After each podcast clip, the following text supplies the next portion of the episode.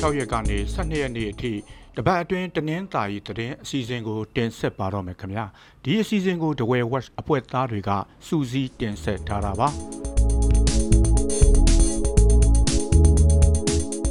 စစ်ကောင်စီတပ်ကတဝဲအထူးစီးပွားရေးဇုံဧရိယာကိုစစ်ကြောင်းထိုးဖမ်းဆီးနေလို့ဒေသခံတွေထွက်ပြေးနေကြရပါတယ်အင်အားရာချီတဲ့စစ်ကောင်စီတပ်ဟာဩဂုတ်လ10ရက်နေ့ကစပြီး ရေဖြူမြို့နယ်တဝဲအထူးစီးပွားရေးဇုံဧရိယာထဲကရွာတွေကိုတရွာဝင်တရွာထွက်စစ်ကြောင်းထိုးစစ်ဆေးဖမ်းဆီးနေပါတယ်။ဒါကြောင့်မို့ခမောင်းချောင်းဧကနိရငဲစတဲ့ကြေးရွာတွေကဒေသခံထောင်ချီထွက်ပြေးနေရတာပါစစ်ကောင်စီတပ်သားတွေဟာထွက်ပြေးတိမ်းရှောင်နေရတဲ့ရွာတွေထဲကနေနေအိမ်တွေကိုရိုက်ဖျက်ပြီးပစ္စည်းတွေကိုယူဆောင်သွားကြတယ်လို့ဆိုပါတယ်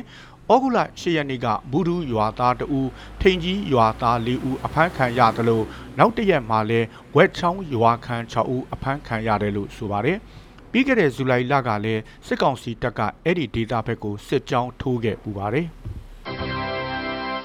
လောင်းလုံးမြို့နယ်ကြောက်နီမော်ရွာနဲ့ကြောက်ဝတ်ပြင်ရွာအကြားပြစ်ခတ်မှုမှာစစ်ကောင်စီဗိုလ်တအူးနဲ့ပြူစောထီတအူးသေဆုံးသွားပါတယ်။ရှစ်လေးလုံးနေ့ဖြစ်တဲ့ဩဂုတ်လ10ရက်နေ့ပြစ်ခတ်မှုမှာ အမှတ်430စစ်ကောင်စီချင်းမြန်တပ်ရင်းကဘိုးဝေမင်းသူတေဆုံးခဲ့တာလို့ဆိုပါတယ်။အဲ့ဒီပြစ်ခတ်မှုမှာကြောက်နေမော်ရွာကပြူစောထီခေါင်းဆောင်ရဲ့ညာလေယုံတဦးလဲတေဆုံးခဲ့တယ်လို့ပြူစောထီ3ဦးလဲဒဏ်ရာရခဲ့တယ်လို့လောင်းလုံးမြို့နယ်ပြည်သူ့ကာကွယ်ရေးတပ်ဖွဲ့ကထုတ်ပြန်ထားပါတယ်။ ဒီလိုတိုက်ခိုက်ခံရပြီးချိန်မှာတော့အင်အား40လောက်ရှိတဲ့စစ်ကောင်စီတပ်သားတွေဟာရေလန်းကနေကြောက်နေမော်ရွာကိုရောက်လာလို့စစ်ကြောင်းထိုးလာမှစိုးရင်ပြီးကြောက်ဝတ်ပြင်ရွာဒေသခံတွေကြိုတင်ထွက်ပြေးတင်းရှောင်ခဲ့ကြရပါတယ် ပြူစောထီလို့ဆိုတဲ့အမျိုးသားတဦးလောင်းလုံးမြို့နယ်စမ်းလန်းရွာကိုသွားတဲ့လမ်းပိုင်းတနေရာမှာဩဂုတ်လ10ရက်နေ့ကပြစ်ဒတ်ခံလိုက်ရပါတယ်။စမ်းလန်းကျေးရွာမှာနေထိုင်တဲ့အသက်34နှစ်အရွယ်အဲ့ဒီအမျိုးသားကိုပြည်သူ့ကာကွယ်ရေးအဖွဲ့တွေဖြစ်တဲ့ DDT တက်ခွဲ3နဲ့ဒဝဲမျိုးပြပျောက်ကြားတပ်ဖွဲ့တို့ကပူးပေါင်းပစ်ခတ်ခဲ့တာပါ။တေဆုံးသူဟာပြူစောထီတူဖြစ်တယ်လို့စစ်ကောင်စီတပ်နဲ့ပူးပေါင်းပြီးခရီးသည်တွေကိုစစ်ဆေးရေးလှုပ်ဆောင်ပြီးအပြန်မှာပြစ်ခတ်ရှင်းလင်းခဲ့တာလို့ဆိုပါတယ်။ အဲ့ဒီအမျိုးသားစီကဖုန်းတစ်လုံးနဲ့အတူလက်ထိတ်တစ်ခုကိုပါတင်စီရမိတယ်လို့ထုတ်ပြန်ထားပါတယ်။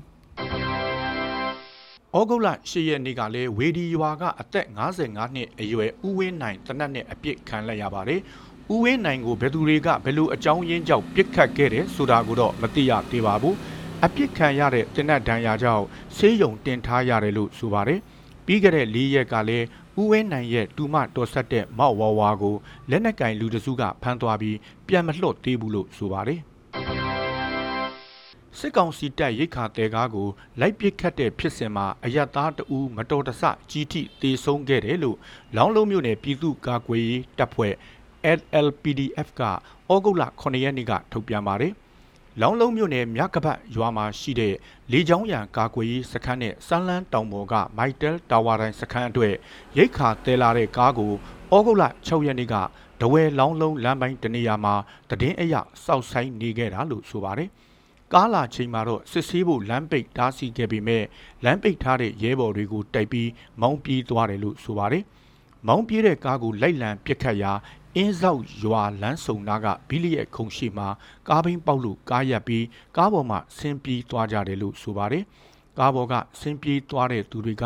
ဘီလီရဲ့ခုံအနောက်ဘက်ကိုထွက်ပြေးသွားတာကိုတွေ့ရတဲ့အတွက်ပြစ်ခတ်ရာကတဦးတေဆုံးသွားတာဖြစ်ပါတယ်။တေဆုံးသွားတဲ့အမျိုးသားအကြောင်း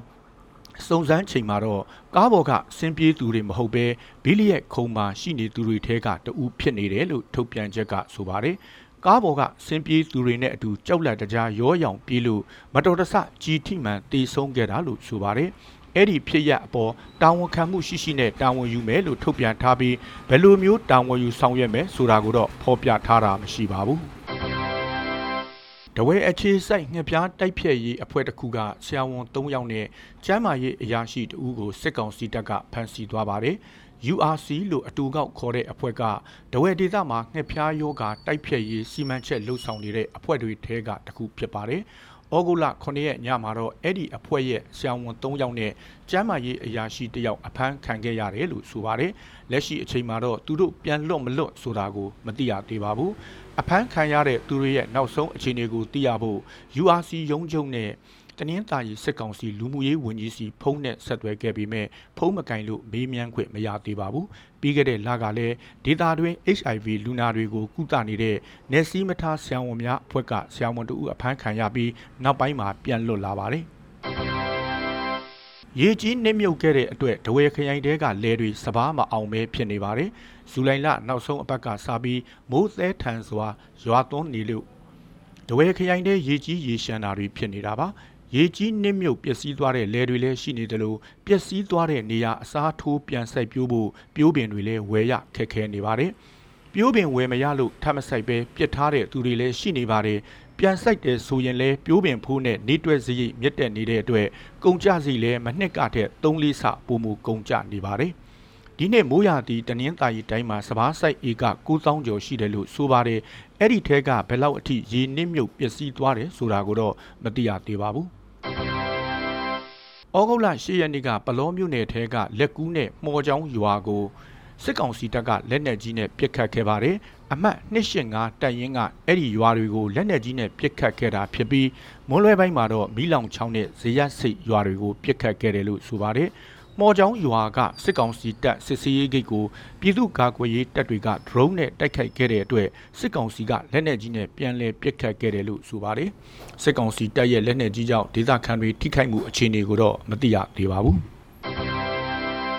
မြန်မာစစ်ဘေးဒုက္ခသည်တွေအတွက်ထိုင်းမြန်မာနယ်စပ်မှာအကူအညီပေးရေးစင်ကြံဖွင့်လှစ်ဖို့အရေး ထိုင်းလွှတ်တော်ကိုတင်ပြလိုက်ပါတယ်။ဩဂုတ်လ10ရက်နေ့ကကျင်းပတဲ့ထိုင်းအောက်လွှတ်တော်အစည်းအဝေးမှာစစ်ဘေးဒုက္ခသည်တွေအတွက်နယ်စပ်မှာအကူအညီပေးရေးစင်ကြံဖွင့်ဖို့ထိုင်းအောက်လွှတ်တော်အမတ်တဦးတင်သွင်းလိုက်တာပါ။အဲ့ဒီအဆိုကိုတင်သွင်းတဲ့ထိုင်းလွှတ်တော်အမတ်ဟာလူသားချင်းစာနာထောက်ထားမှုဆိုင်ရာအကူအညီပေးရေးဖောင်ဒေးရှင်းတွေထူထောင်ထားသူလည်းဖြစ်ပါတယ်။လူသားချင်းစာနာမှုအကူအညီကိစ္စရပ်တွေဟာထိုင်းဝန်ကြီးချုပ်ရုံးကကြီးကြပ်ဆောင်ရွက်ရမယ့်ကိစ္စတွေပဲဖြစ်တယ်လို့ဆိုပါတယ်။ မြဝတီကော့ကရိတ်အာရှလန်ပြိုကျပျက်စီးနေတာကြောင့်ကုန်ကားတွေသွားလာလို့မရဖြစ်နေတဲ့အတွက်တနင်္သာရီတိုင်းမှာထိုင်းနိုင်ငံကတင်သွင်းတဲ့ကုန်ပစ္စည်းအချို့ပြက်လက်နေပါတယ်။မြန်မာထိုင်းနိုင်ငံကုန်သွယ်မှုတွေအရေးပါတဲ့အာရှလမ်းမကြီးပေါ်ကတောနော်ရေတခွန်နားမှာဩဂုတ်လ9ရက်နေ့ကလမ်းမြေပြိုကျပြီးပျက်စီးခဲ့ပါတယ်။လမ်းပိုင်းပျက်စီးသွားတာကြောင့်ရင်းသွားလာမှုယာယီရပ်ဆိုင်းထားရလို့ထိုင်းကဝင်လာတဲ့စားတောက်ကုန်တွေနဲ့လူသုံးကုန်ပစ္စည်းအချို့ပြက်လက်နေတာပါ။ စိုက်ကဲအပိုပစ္စည်းတွေလည်းပြက်လက်နေပြီးပစ္စည်းတစ်ခုကိုကျပ်900ကနေ8000ကျပ်အထိဈေးတက်သွားပါတယ်။ဒါအပြင်မာမာစာအုံးစီအချိုရည်မျိုးစုံစတဲ့ကုန်အချို့ပြက်လက်နေပြီးဈေးတက်နေတာပါ။တနင်္သာရီတိုင်းနဲ့သုံးဆွဲနေကြတဲ့စားတောက်ကုန်နဲ့အဝတ်အထည်လူသုံးကုန်တွေရဲ့သုံးပုံတစ်ပုံလောက်ဟာထိုင်းနိုင်ငံကတင်သွင်းနေရတာလို့ဆိုပါတယ်ကမ္ဘာရွှေဈေးထိုးကျနေပေမဲ့ပြည်တွင်းရွှေဈေးကတော့စံချိန်တင်တက်နေပါတယ်။ ဩဂုတ်လ9ရက်နေ့ကအခောက်ရွှေတကြက်သားကို35သိန်း6000ပဲရှိရာကနောက်တရက်မှာတော့36သိန်း4000ကျော်အထိမြင့်တက်သွားတာပါပြည်တွင်းရွှေဈေးတက်နေပေမဲ့ကမ္ဘာရွှေဈေးကတော့ကျဆင်းနေပါတယ်ကျပ်ငွေတန်ဖိုးကျဆင်းပြီးဒေါ်လာငွေလဲနှုန်းမြင့်တက်သွားတာကြောင့်ရွှေဈေးပါလိုက်တက်တာလို့ဆိုပါတယ်အမေရိကန်ဒေါ်လာငွေလဲနှုန်းက1ဒေါ်လာကို3300ကျပ်ဝန်းကျင်ကနေ 3500ဝန်းကျင်ထိဈေးပေါက်နေပြီးအချိန်နဲ့အမျှအပြောင်းလဲရှိနေတာပါစင်ကာပူနိုင်ငံရဲ့ဘဏ်ကြီးတစ်ခုဖြစ်တဲ့ UOB ကမြန်မာနိုင်ငံနဲ့ဗန်လုပ်ငန်းဆိုင်ရာချိတ်ဆက်မှုအားလုံးကိုရပ်ဆိုင်းလိုက်ပြီးတဲ့နောက်မှာကျပ်ငွေတန်ဖိုးထပ်ကျသွားတာပါ UOB ဟာမြန်မာနိုင်ငံက73စီနဲ့စားအုံးစီအပါအဝင်ပို့ကုန်သွင်းကုန်စီးပွားရေးလုပ်ငန်းရှင်ကြီးတွေစစ်ဗိုလ်ချုပ်တွေအပါအဝင်စစ်ကောင်စီနဲ့နှီးစပ်သူတွေအဓိကအသုံးပြုနေတဲ့ဘဏ်တစ်ခုဖြစ်ပါတယ်